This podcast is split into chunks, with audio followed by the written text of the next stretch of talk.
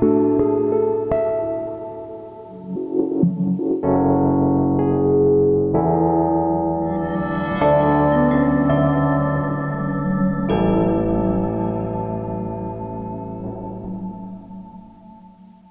och välkommen till Modern Psykologi-podden.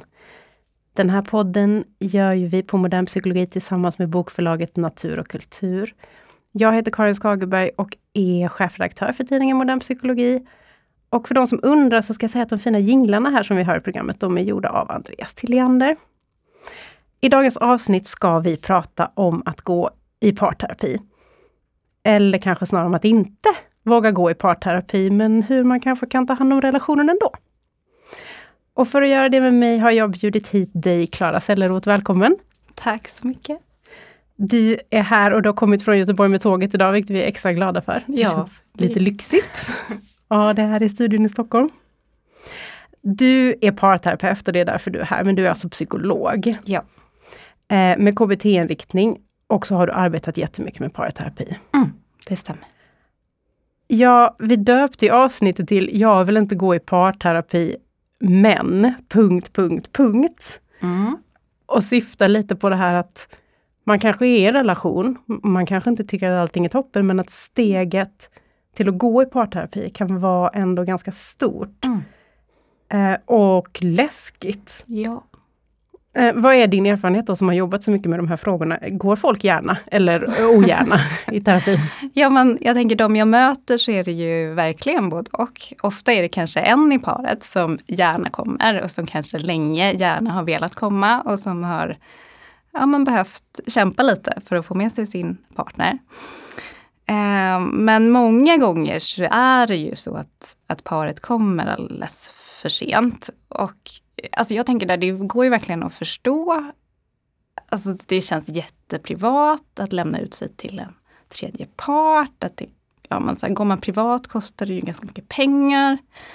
Eh, sen har ju kommunerna familjerådgivning som kan vara jättebra också, så det är bra att känna till. Men, eh, ja, men att det, och också det här lite tror jag att många kan tänka att det är som ett misslyckande lite grann med relationen. Eh, att det blir på riktigt att vi har det kämpigt om vi går i parterapi.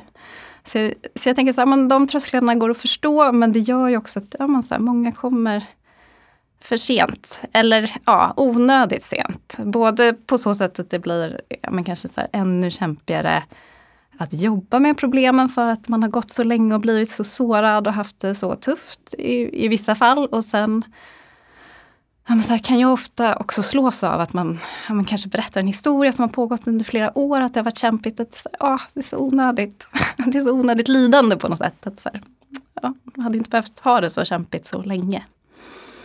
Du är lite eh, på temat idag, just det här med att folk kommer lite för sent eller att tröskeln kan vara lite hög. Mm. Eh, så är det ju faktiskt så att du och din kollega som heter Helga Wennerdal, ni har eh, ganska nyss utvecklat och skapat en app, eller app säger jag, men en digital tjänst för att utveckla parrelationen. Eh, lite på det här temat. Du får gärna göra lite skamlös reklam för den och berätta. Ja, ja men eh, precis. Så vi, ja men det är ju en app som heter Birds eller Birds Relations. Ehm, och som kom av just det här att vi, ja, men vi gick, vi pratade mycket om på något sätt så här, de par vi träffar, att det är så många som har det så kämpigt, som har haft det så länge. Eh, och även om såklart varje par är unikt på sitt sätt och har sin historia och sina utmaningar som man kämpar med, så, men så märkte vi också, alltså det är så tydligt att det, det är lite grann samma mönster som går igen, samma på något sätt ja, men så här, kanske, ja, men ibland faktiskt konkreta färdigheter som man inte riktigt har eller som man behöver bara göra mer av. Eller, ja, alltså så mycket likheter också mellan de här paren. Ehm, och så ville vi på något sätt så här, nå ut, eh, nå ut till fler, nå ut tidigare. Och då, då började vi fundera omkring den här idén som nu finns på riktigt. Så det är ju jätte, jättespännande. Och det är alltså en app som man kan ladda ner mm. till sin telefon? Exakt, men precis. Man får ha den tillsammans med sin partner då? ja men precis, man kan ha den tillsammans och sen kan man också om man har svårt att få med sig sin partner så kan man också ja, men sen börja lite på egen hand och det är mycket ändå i appen som man kan göra på egen hand och där vi också har tänkt utifrån att ja, men är det svårt att få med sig partnern så är det ändå ibland otroligt mycket värt att man som en person i en relation börjar lite grann, kanske reflektera och jobba. Eh, så kan man få jättestora saker att hända. Även om, om inte kanske partnern är med rent konkret i appen så brukar man ändå få med sig partnern på något sätt i, i den förändring som, som blir. Okej, jättebra. Och den heter Birds Relations, alltså birds som är fåglar. Ja, men precis. Inte birds med ö. Nej. Eh, bra. Mm. Eh, och den finns där appar finns såklart. Och du, utifrån detta, du, ni har skapat den här appen, du har jobbat med par i terapi mycket länge och då bjöd jag hit dig för att du ska få ge liksom en crash course Ja. i eh, tips för den som inte vill gå i parterapi än, men Mm. vill jobba lite. Så jag tänker att vi kör igång. Du, dina tips här nu, kommer de utan inbördes ordning eller ska vi ranka dem på något sätt? Ja men, eh, alltså så här, eh, inte jätteviktigt att köra i den här ordningen. Men eh, Men eh, vi numrerar dem för, för Ja, vi- enkelhetens vi- vi skull. gör det, ja. ja. Men vi kör på. Eh, Mm. Tips nummer ett, Klara. ja, eh, fortsätta göra kärlekshandlingar. Ehm, och det, ja, fortsätta visa kärlek för varandra helt enkelt. Och det kan ju låta supersimpelt eller lite klyschigt kanske till och med. Men det skulle jag säga att det inte är. Det är ju någonting i att i början av relationen så är vi ju, när vi är förälskade, så är vi ju väldigt fokuserade på den andra. Vi är också på något sätt så här, den bästa versionen av oss själva ofta. Eh, men vi är ju hela tiden på något sätt så här, intresserade av hur den andra har det, vad den andra mår bra av.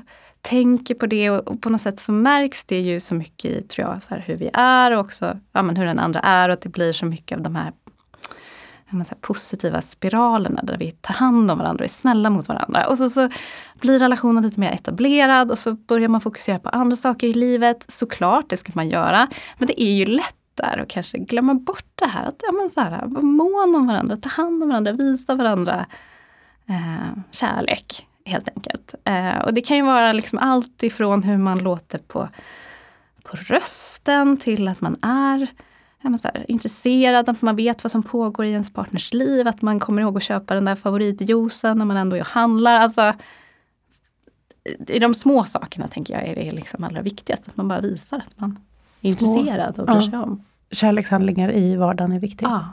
Men du, om man, om man är där att man inte ens längre känner att man vill göra det då? Nej men precis, det är ju, alltså så, så kan det ju vara. Jag tänker också hos många av de par som, som vi träffar i rummet så är det ju verkligen så kanske att man man så känner sig sårad eller man, ja, man är, mm, mår inte riktigt bra i relationen och det märks och därifrån kan ju steget kännas jättestort till att börja agera kärleksfullt och man kan också ibland kanske känna, ska jag låtsas, liksom, ska jag bara hitta på om jag inte känner det? Ehm, men där kan man ju tänka lite, ja, men om man vill vara, ja, men på något sätt så att nej det kanske inte är vad jag känner för just nu. Men det kanske ändå, om man reflekterar lite omkring ja, men både egentligen det här, vad betyder min partner för mig egentligen? Att man nog, tänker man efter lite så kan man ändå ofta hitta det här att man, ja men så här, jag tycker ju om den här personen, det är, det är en person som jag älskar och som jag har valt att leva med. Eh, och också lite det här hur man själv vill vara som partner. Alltså så här, jag kanske ändå vill vara, även om jag inte känner mig så här, superkär i dig just nu, så vill jag som partner vara stöttande och, eh, och fin och kärleksfull och sådär. Och då kanske jag kan hitta i det att jag, så här, ja, men jag, jag vill vara det. Och det, då är jag sann mot mig själv på någonstans på, den nivån. Mm, ta ett steg utifrån liksom, Ja. och titta på sig själv lite utifrån. Mm. Det är jättebra tips. Jag kom på en grej när vi pratade som min sambo gör ofta. Mm. Eh, Som en, en kärlekshandel som jag aldrig har tänkt på som en kärlekshandel. Men han tycker att det är sånt slöseri att typ köpa latte när man är ute. Han blir alltid missnöjd och tycker att det är skitdyrt. Det kostar ju 50 spänn liksom. Mm. Och jag tycker att det är så här vardagslyx, jag älskar det. Typ. Ja. Även om det smakar illa så tycker jag att det känns nice. Ja. Och han köper alltid latte till mig när han är någonstans på havremjölk för han vet att jag vill ha det. Jag har aldrig Ja. tänkt på det som en kärlekshandel men det är ju Nej. urgulligt. Ja, Mm, Okej, shout-out till honom. Ja, verkligen. det. Och det jag tänker att han gör som är så fint där, det är ju att han tar ditt perspektiv. Han tänker utifrån så här, vad är det du tycker om? Eh, och det är ju också ja, men så här, en jätteviktig del i det. Ehm, och att det inte behöver vara ja, men så här, köpa de här blommorna eller bjuda ut på restaurang. Att det kan vara så här, men det här jag gör för dig som jag vet att du mår bra av och tycker om. Mm, som jag själv latten. tycker är jätteslösigt. Ja men verkligen. ja. Ehm, tips nummer två. Ja, fortsätta vara nyfiken. Mm. Mm. Det här att, att liksom på något sätt fortsätta, fortsätta ställa frågor, fortsätta vilja förstå partnern. Och det är ju lätt hänt, i synnerhet efter ett tag, att vi tänker att vi känner vår partner utan och innan. Och mm. Eh, i varje given stund liksom, att vi har en bild av att vi förstår precis vad som pågår där inuti. Och så gör vi ju inte det.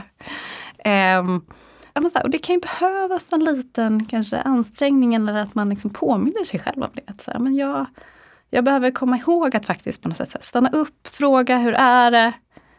Um, lyssna på vad partnern svarar då. Vilja kanske så här, veta mer om det. Ja, bara så. Fortsätta vara nyfiken.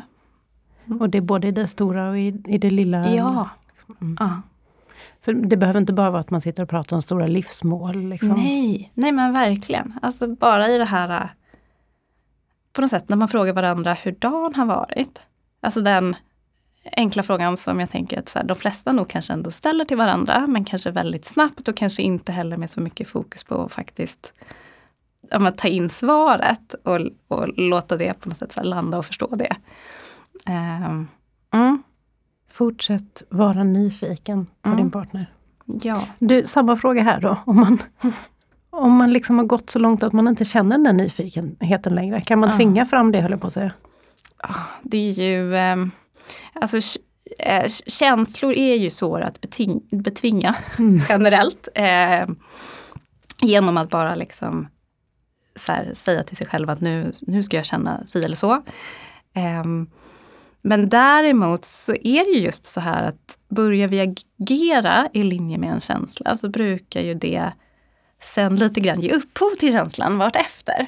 Så att om man tänker lite så att om jag, om jag, om jag var genuint nyfiken och intresserad av min partner, vad skulle jag göra då? Men då kanske jag skulle ställa lite mer frågor eller ja, vad det nu kan vara. Och så lite bara testa att göra det ändå.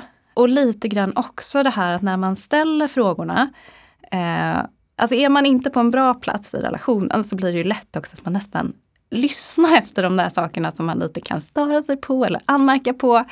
Komma med argument för varför det är fel att tänka så eller tycka så. Sådär. Eh, och lite så här, kan man skifta det fokuset och istället säga nu ska jag liksom verkligen försöka hitta det som jag kan förstå, det som jag kan tycka är rimligt och försöka bekräfta det. Mm. Eh, så är det ju också. Det är ju lite en utmaning till sig själv då. Det kanske inte alls känns eh, ja, enkelt eller bekvämt. Men, men kan man så kan det nog också få saker att hända med känslan. Så att säga. Och, ja, just det. Och återigen, vem vill jag vara i relation? Alltså ja. vem vill jag vara som partner? Det är ja. samma, eller hur? Verkligen. Yes. Det tar jag verkligen med mig. Mm. Eh, ska vi glida in på tips nummer tre? Ja, Frågan är hur man då ska kalla det här. Jag, jag har kallat det så här acceptans. Älska din partner för den den är. Mm. Eh, och så kan man lägga till där lite inom en parentes att så här, ta ansvar för sina egna behov. Um, ja, vad betyder det då? Ja, vad betyder det? Nej men det här att vi um, Särskilt som vi lever i våra relationer idag så har vi den här bilden av att på något sätt, bara jag träffar rätt person så kommer mitt liv blir lyckligt sen. Alltså som det skildras i på något sätt kulturen. Sådär. Eh, att det så mycket handlar om att så här, den här rätta personen ska komplettera mig och göra mig kanske till en bättre människa. Eller liksom livet ska bli bra för att vi, det är vi. Liksom. Eh, och så, så, är det ju inte. Och det, det tror jag väl ändå så här, de flesta förstår någonstans. Att så, så är det inte. Men man kan ju ändå gå in i en relation, ha väldigt höga förväntningar på, på något sätt vad den andra ska vara och, och liksom vad den ska göra för mig. Det kan ju bli så också kanske att man man så här, mycket jobba för att så här, om jag är jätteintresserad av någonting så, så vill jag jättegärna också att min partner ska vara intresserad av det. Dela det intresset och så blir det kanske en stor besvikelse om, om så. Så kanske i början av relationen igen, liksom att vi anstränger oss lite extra där för att ja, men så här, vara engagerade i varandras ja, intressen eller vad det nu kan vara som, vi, som är viktiga för den andra. Och så, så kan det, ja, det kan bli en besvikelse där, det kan bli också en önskan om att den andra ska ändra på sig. Eh, som, som blir inte så, alltså som kanske till och med blir lite destruktiv för relationen i längden. Det blir liksom inte så lustfyllt och kul och härligt att vara tillsammans. Och det blir större fokus på något sätt på det här som vi inte tycker är, är bra. Eller där vår partner brister. Så att lite kan vi här, släppa det, se att så här, men vår partner, alltså han, hon, den är som, som den är. Eh, och få vara det. Och så får jag vara som jag är. Och är det så att jag är jätteintresserad av att gå i skogen och tälta och det är inte min partner, då kanske jag ska släppa det och så kan jag göra det med en kompis istället. Alltså lite det här, få det man behöver, ta ansvar för att få det, men kanske inte förvänta sig att ens partner ska vara den som på något sätt Ah, ja, alltså det är det du menar. Ah, just det, att man tar ansvar för sina egna. Ja. Alltså, då, då får jag lösa det här på någon annan vänster och inte Ja. förvänta mig att eh, jag ska göra allt, allt, allt med min partner. Nej, ja, men lite grann så. Att så här, kan jag se till att jag mår bra så blir jag också mycket här, bättre och härligare partner att, att leva med. Jag kan också på något sätt tillföra mer energi och glädje till relationen. Um, så att lite så här, låta, låta partnern vara den den är. Och uh, ja, någonstans tänka att så här, okej, vill jag vara med dig, då, uh, då vill jag vara med hela dig. Så som du är som person. Och så, så får jag mm, så här, göra vad jag kan för att må bra i mitt liv tillsammans med dig. Så. Men du, min fördom på något sätt är att man kanske dras till någon som är lite olik en själv och att Mm. det har varit sådär liksom lite Ja. härligt när man är förälskad. Ja, Alltså opposites attract liksom. ja, Men sen tio år senare kanske inte det är superhärligt. Nej. Alltid. Nej, Eller exakt. lätt, Ja, kanske man ska säga. nej. Men jag tänkte på det nu, ni, ni som parterapeuter, Mm. alltså det här med att man ska acceptera partnern för Mm. hur den är. Mm. Och inte, att försöka förändra någon känns ju som en så ganska Mm. Klassiskt problem. Ja men verkligen. Mm. Och, och där är det ju så, här, alla par, i alla relationer finns det ju olikheter. Och ofta är det ju också så att det var något man kanske föll för i början. Det var något av det där man tyckte var så superhärligt med den här personen. Att den, han, var så här, han var så spontan eller hon var så uppstyrd. Alltså vad det nu är som var någonting annat än vad jag är och det gör mitt liv bättre. Och sen så lite senare in i relationen så blir det en frustration eller liksom att det blir jobbigt kanske. Och där är, finns det ju en risk då att vi på något sätt fastnar ännu mer i våra roller, att vi försöker liksom, ja, men om jag är den planerande och min partner är den spontana så blir jag ännu mer planerande. Och min partner blir ännu mer, nej så här uppstyrt vill jag inte ha det. Och så blir det liksom förstärkt också. Okej, men finns det någon magisk gräns för hur mycket man får lov att vilja förändra någon annan?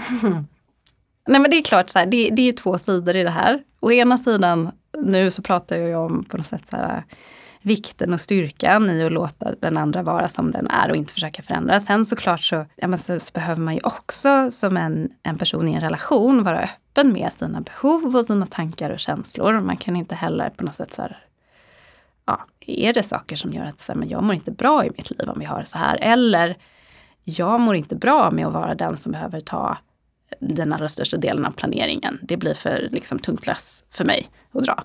Så är det klart att det är jätteviktigt att lyfta det och försöka på något sätt problemlösa omkring det. Ja, flexibilitet samtidigt. På Ja, något sätt. ja. Jag hör dig. eh, nu ska vi se, vi har, jag bad dig om sex tips, vi har gått igenom tre. Ja. Nu kommer vi till tips nummer fyra då. ja. Ehm, snälltolka. Det här ordet som har blivit så superpopulärt de sista åren. Eh, men som ändå jag tycker, är, jag tycker det är fantastiskt att det har blivit så populärt. För det rymmer, ja, men det rymmer så mycket och det rymmer så mycket som är så här viktigt i relationen. Ehm, och det kan ju också låta ja, men så superenkelt på något sätt. Att ja, men det är klart att man alltid ska försöka se sin partner i ett gott ljus eller så. Men, men sen så vet vi att det är, det är ju verkligen inte så enkelt. Man har ju också studerat det. Det finns ju det här som man kallar för det fundamentala attributionsfelet. Eh, jag tror kanske att du behöver förklara det. Ja, jo men det är så här då att vi är, vi är som människor benägna att förklara om, vi, om någon annan gör någonting negativt. Då är vi benägna att se det som att det har med den personen att göra. Medan om det är en själv som gör det, då ser man alla omständigheter som bidrog. Så att om jag kommer sent så är det ju för att trafiken var hopplös eller så här, men tåget var faktiskt försenat eller vad det nu är. Men om det är min partner då eller om det är någon annan som kommer sent så är jag mer benägen att tänka att så här, ja, men det är för att den personen är slarvig eller inte bryr sig om mig. Eller ja, man lägger det på den liksom, personen. Säg igen vad det hette. Det fundamentala attributionsfelet. Det mina vänner, lägg det på minnet. Det tjusigt. Mm. Um, och det man också har sett i studier är att det är liksom den, det sättet att tolka någon annan är extra tydligt i våra nära relationer och extra tydligt när det då är kopplat till någonting negativt som händer. Ja, det är motsatsen till att snälltolka kan man säga. Ja men exakt. Mm. Så, det, så det är bara det jag vill lyfta är liksom att vi har det lite i, i liksom, det ligger oss lite i fatet att vi, så här, bara, vi är människor och vi funkar på det här sättet. Så att vi gör det här och snälltolka kan man ju tänka att så här, men det är klart att vi gör det. I synnerhet med vår partner som vi lever med och älskar. Men tyvärr är det ju inte riktigt så då. Utan tyvärr är det kanske snarare tvärtom. Att vi har vår mänskliga natur inte på vår sida i det fallet utan att vi är mer benägna att tolka eh, personen vi lever med negativt. Så att här igen kan man liksom påminna sig om Ja, men så här, det är bra att veta om det och sen så lite att, att så här, kan man påminna sig om det hänger ihop det här med ju att vara intresserad av partnern och veta vad lite som pågår i partners liv. Men att så här, i en given situation, kanske när man känner att det här, så här, en partner är sen och så känner man att man så här, nu börjar jag bli irriterad här, det här är inte okej. Okay. Att lite så här, försöka tänka efter att så här, ah, men det finns kanske, det finns en anledning till att, att det blir så här, det är inte min partner som liksom avsiktligt är nonchalant eller inte bryr sig om mig eller är jättedålig på att planera utan liksom, det går att förstå. Och nu var du inne på någonting som känns så himla relevant tycker jag. Det är så här, jag vill jättegärna snälltolka i alla situationer. Mm. Eh, men det är ju ärligt talat inte superlätt när man, när man grälar eller nej, man är mitt uppe i någonting. Nej, nej, nej, nej. Okej, vad är terapeutens bästa tips här nu då för när man är hur man ska snälltolka när man är arg? Ja, alltså det skulle jag säga att det är jättesvårt. I princip kanske omöjligt. Jag tror att när vi har ett starkt, alltså just när vi har ett starkt känslopåslag sådär. Ja, det är klart att vi kan försöka men jag har svårt att se att vi så genuint skulle faktiskt lyckas. Eh, men, men jag tror att den, där och då så kanske det handlar om ja, men lite i, som ett första steg att komma ner lite i effekt. Alltså Okej, okay, vad behöver jag göra nu för att kunna tänka klart? För är jag arg så kan jag inte tänka klart då kommer jag säga saker som jag kanske ångrar efteråt eller som inte blir, som inte blir bra. Så här. Ah, Okej, okay, så det, man kanske inte behöver applicera det här i stundens hetta? Nej, det tror jag är jättesvårt. Okej, okay, men liksom, vad skönt att höra. Det, mm, eller skönt att höra. Jag jo, menar men, att, eh, ja, då kan man ta det sen när man pratar. Ja, men precis. Mm. Och så kanske man säger, okej okay, för mig är det att gå undan en stund och så komma ner lite i mina känslor och så kanske jag där och då kan säga, okej okay, men jag vet ju att min partner har det jättestressigt på jobbet eller jättejobbigt i den här relationen med sin släkting eller vad det nu kan vara. Som gör att jag lite mer kanske kan hitta om så här, värmen och empatin i min, min egen tolkning av, av liksom min partner. Toppenbra. Snäll tolka. Ja. Um, nu är vi inne på tips nummer fem. Uh, skapa förutsättningar för närhet och att kunna njuta tillsammans. Och den går ju in lite i det här tänker jag med, med på något sätt sex och intimitet. Men måste jag inte göra det heller. Uh, men uh, kanske så här, ja, men i synnerhet tänker jag på alla de här paren som jag träffar som är på något sätt så mitt i livet och som har jätte, jätte, jättemycket som pågår. Man kanske har barn, man har mycket på jobbet och ja, det är liksom ett högt tempo så är man inte riktigt, ja men det är svårt där att kunna på något sätt så här, äh, med sin partner hitta de här stunderna när man lite kan så här, äh, njuta tillsammans. Faktiskt, vara närvarande. Och det är ju det är, alltså det, det, är absolut så när det kommer till sex, men jag tänker egentligen att liksom all form av njutning med sinnena är ju väl, det är väl liksom, är jag jättestressad eller jätteorolig för någonting så kommer inte jag njuta av någonting som har med mina sinnen att göra. Om det är så här, att äta en jättegod chokladglass eller ta en varm dusch. Jag kommer vara någon annanstans i tanken ju. Så där, ja men, men lite det här att för att kunna ja, men så här, njuta tillsammans och få kontakt. Eh, och inte minst för på något sätt att eh, ja, men så här, kanske bevara ett, ett sexliv som är härligt och funkar. Men som också handlar om, ja, men jag tänker att det är bredare än så, liksom, på något sätt så här, njutning. Njutning tillsammans i olika former. Ja. Men det betyder att man aktivt måste avsätta tid för det här, tycker du? Ja, precis. Um, mm, och det kan ju vara och det är så här, när man säger så här aktivt avsätta tid, så det, det är ju lite lurigt. Det, blir liksom, det, det, är lätt att det blir så här, ytterligare en punkt som man lägger till den här listan där man ska på något sätt så här, prestera. Mm. Och det handlar ju inte alltid heller om på något sätt så här, jättemycket så här, tid, men lite så här, kan man i vissa stunder dra ner tempot lite och på något sätt så vara närvarande med varandra och ja, men det här också på något sätt ska, kan man ge varandra njutning. Det, ja, det kan också vara så här massage eller bara på något sätt så närhet. Och i det också vara uppmärksam på så här, tycker min partner om det här är det liksom härligt, så är det ju jättevärdefullt i, i relationen. Det är väl ofta det som eh, man kommer ifrån i långa relationer, ja. som man liksom har det blir så mycket, man är uppe i sitt och det blir, ja, man tappar den här på något sätt kontakten i det. Eh, bonusfråga, eller ja. Men eh, jag vet ju faktiskt passande nog att du har skrivit en bok som heter Må bra som förälder. Ja. för några år sedan, mm. när du själv hade små barn. Mm. Eh, om man har små barn och är mitt uppe i livet, precis som du sa, allting pågår. Eh, hur ska man kunna, för jag antar och förutsätter att det här kräver någon slags egentid med partnern, eller hur? Mm. Eller? Hur får man till det? Alltså både ja och nej, det beror på. Um Mm, alltså för många så är det ju enklare om man är ensamma. Bara för att det går att koppla bort de andra intrycken. Men om det handlar om att så här, stryka varandra över armen eller ge liksom, klappa på håret. Så tänker jag så här, det kan man väl göra även om... Okej, okay, men är det verkligen i stort och smått så ska man vinnlägga sig om ja. eh, att liksom njuta och försöka, ja. men både fysiskt och psykiskt, ja, på sig. Ja, ja. ja. Mm. Jättebra. Eh, förutsättningar för närhet, det var nummer fem. Mm. Nu är vi inne på sista punkten. Ja! Ja, hitta ert sätt att relationsarbeta och gör det. Um, ja men det krokar ju in lite i det här du sa, mm. alltså hur man... Hur, för det måste ju vara olika var man befinner sig i livet och så, tänker ja, jag. Ja, alltså verkligen. Så det har ju både med så här, var befinner vi oss i livet? Vad funkar för oss nu?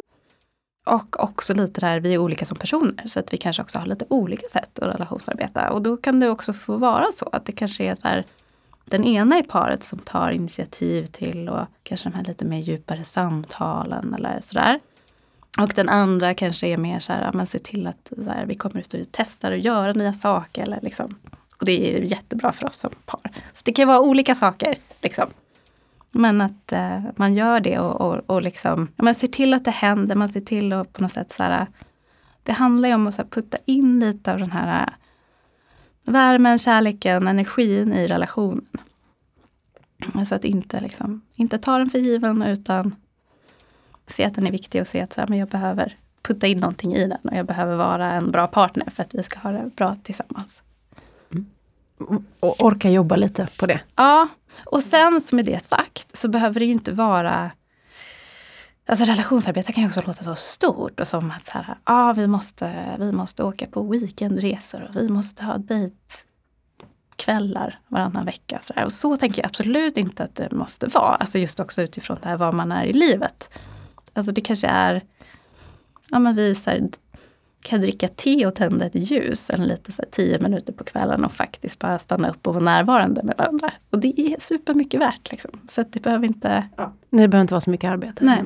Det kan vara att vi åker och storhandlar men vi gör det tillsammans och vi har inte bråttom medan vi gör det. Nej, det skulle vara underbart att göra utan barn tänker jag. Ja. så låga krav på mm. vad som skulle vara härligt. Mm. Men du, eh, en sista fråga här. Eh, nu har vi gett tips på saker man kan göra själv. Mm. Innan det är för sent eller innan man behöver gå i parterapi. Mm. Finns det några, eh, jag tänkte vi kanske bara skulle säga det, finns det några varningsklockor? Alltså finns det någonting som du tycker att man verkligen ska söka hjälp för? Alltså när man inte kan jobba lite ja, själv?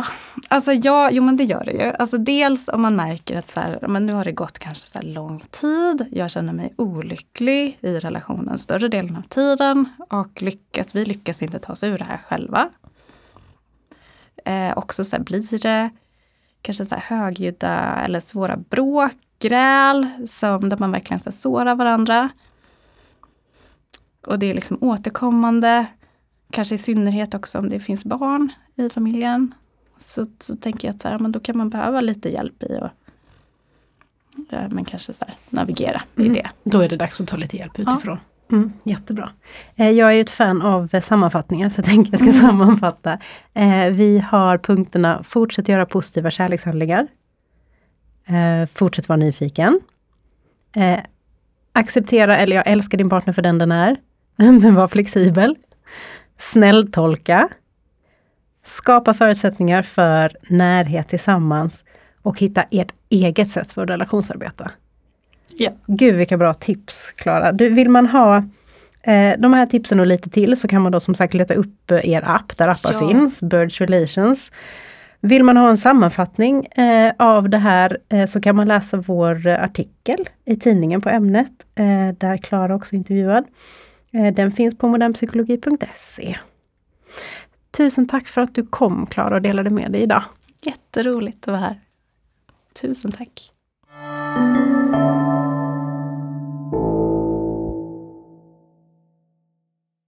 Det här poddavsnittet presenterades i samarbete med Natur och kultur. Vi är en oberoende stiftelse som förutom att inspirera till läsande och lärande också stärker röster i det demokratiska samtalet genom priser, stipendier och stöd. Så varje gång du väljer natur och kultur är du del av något större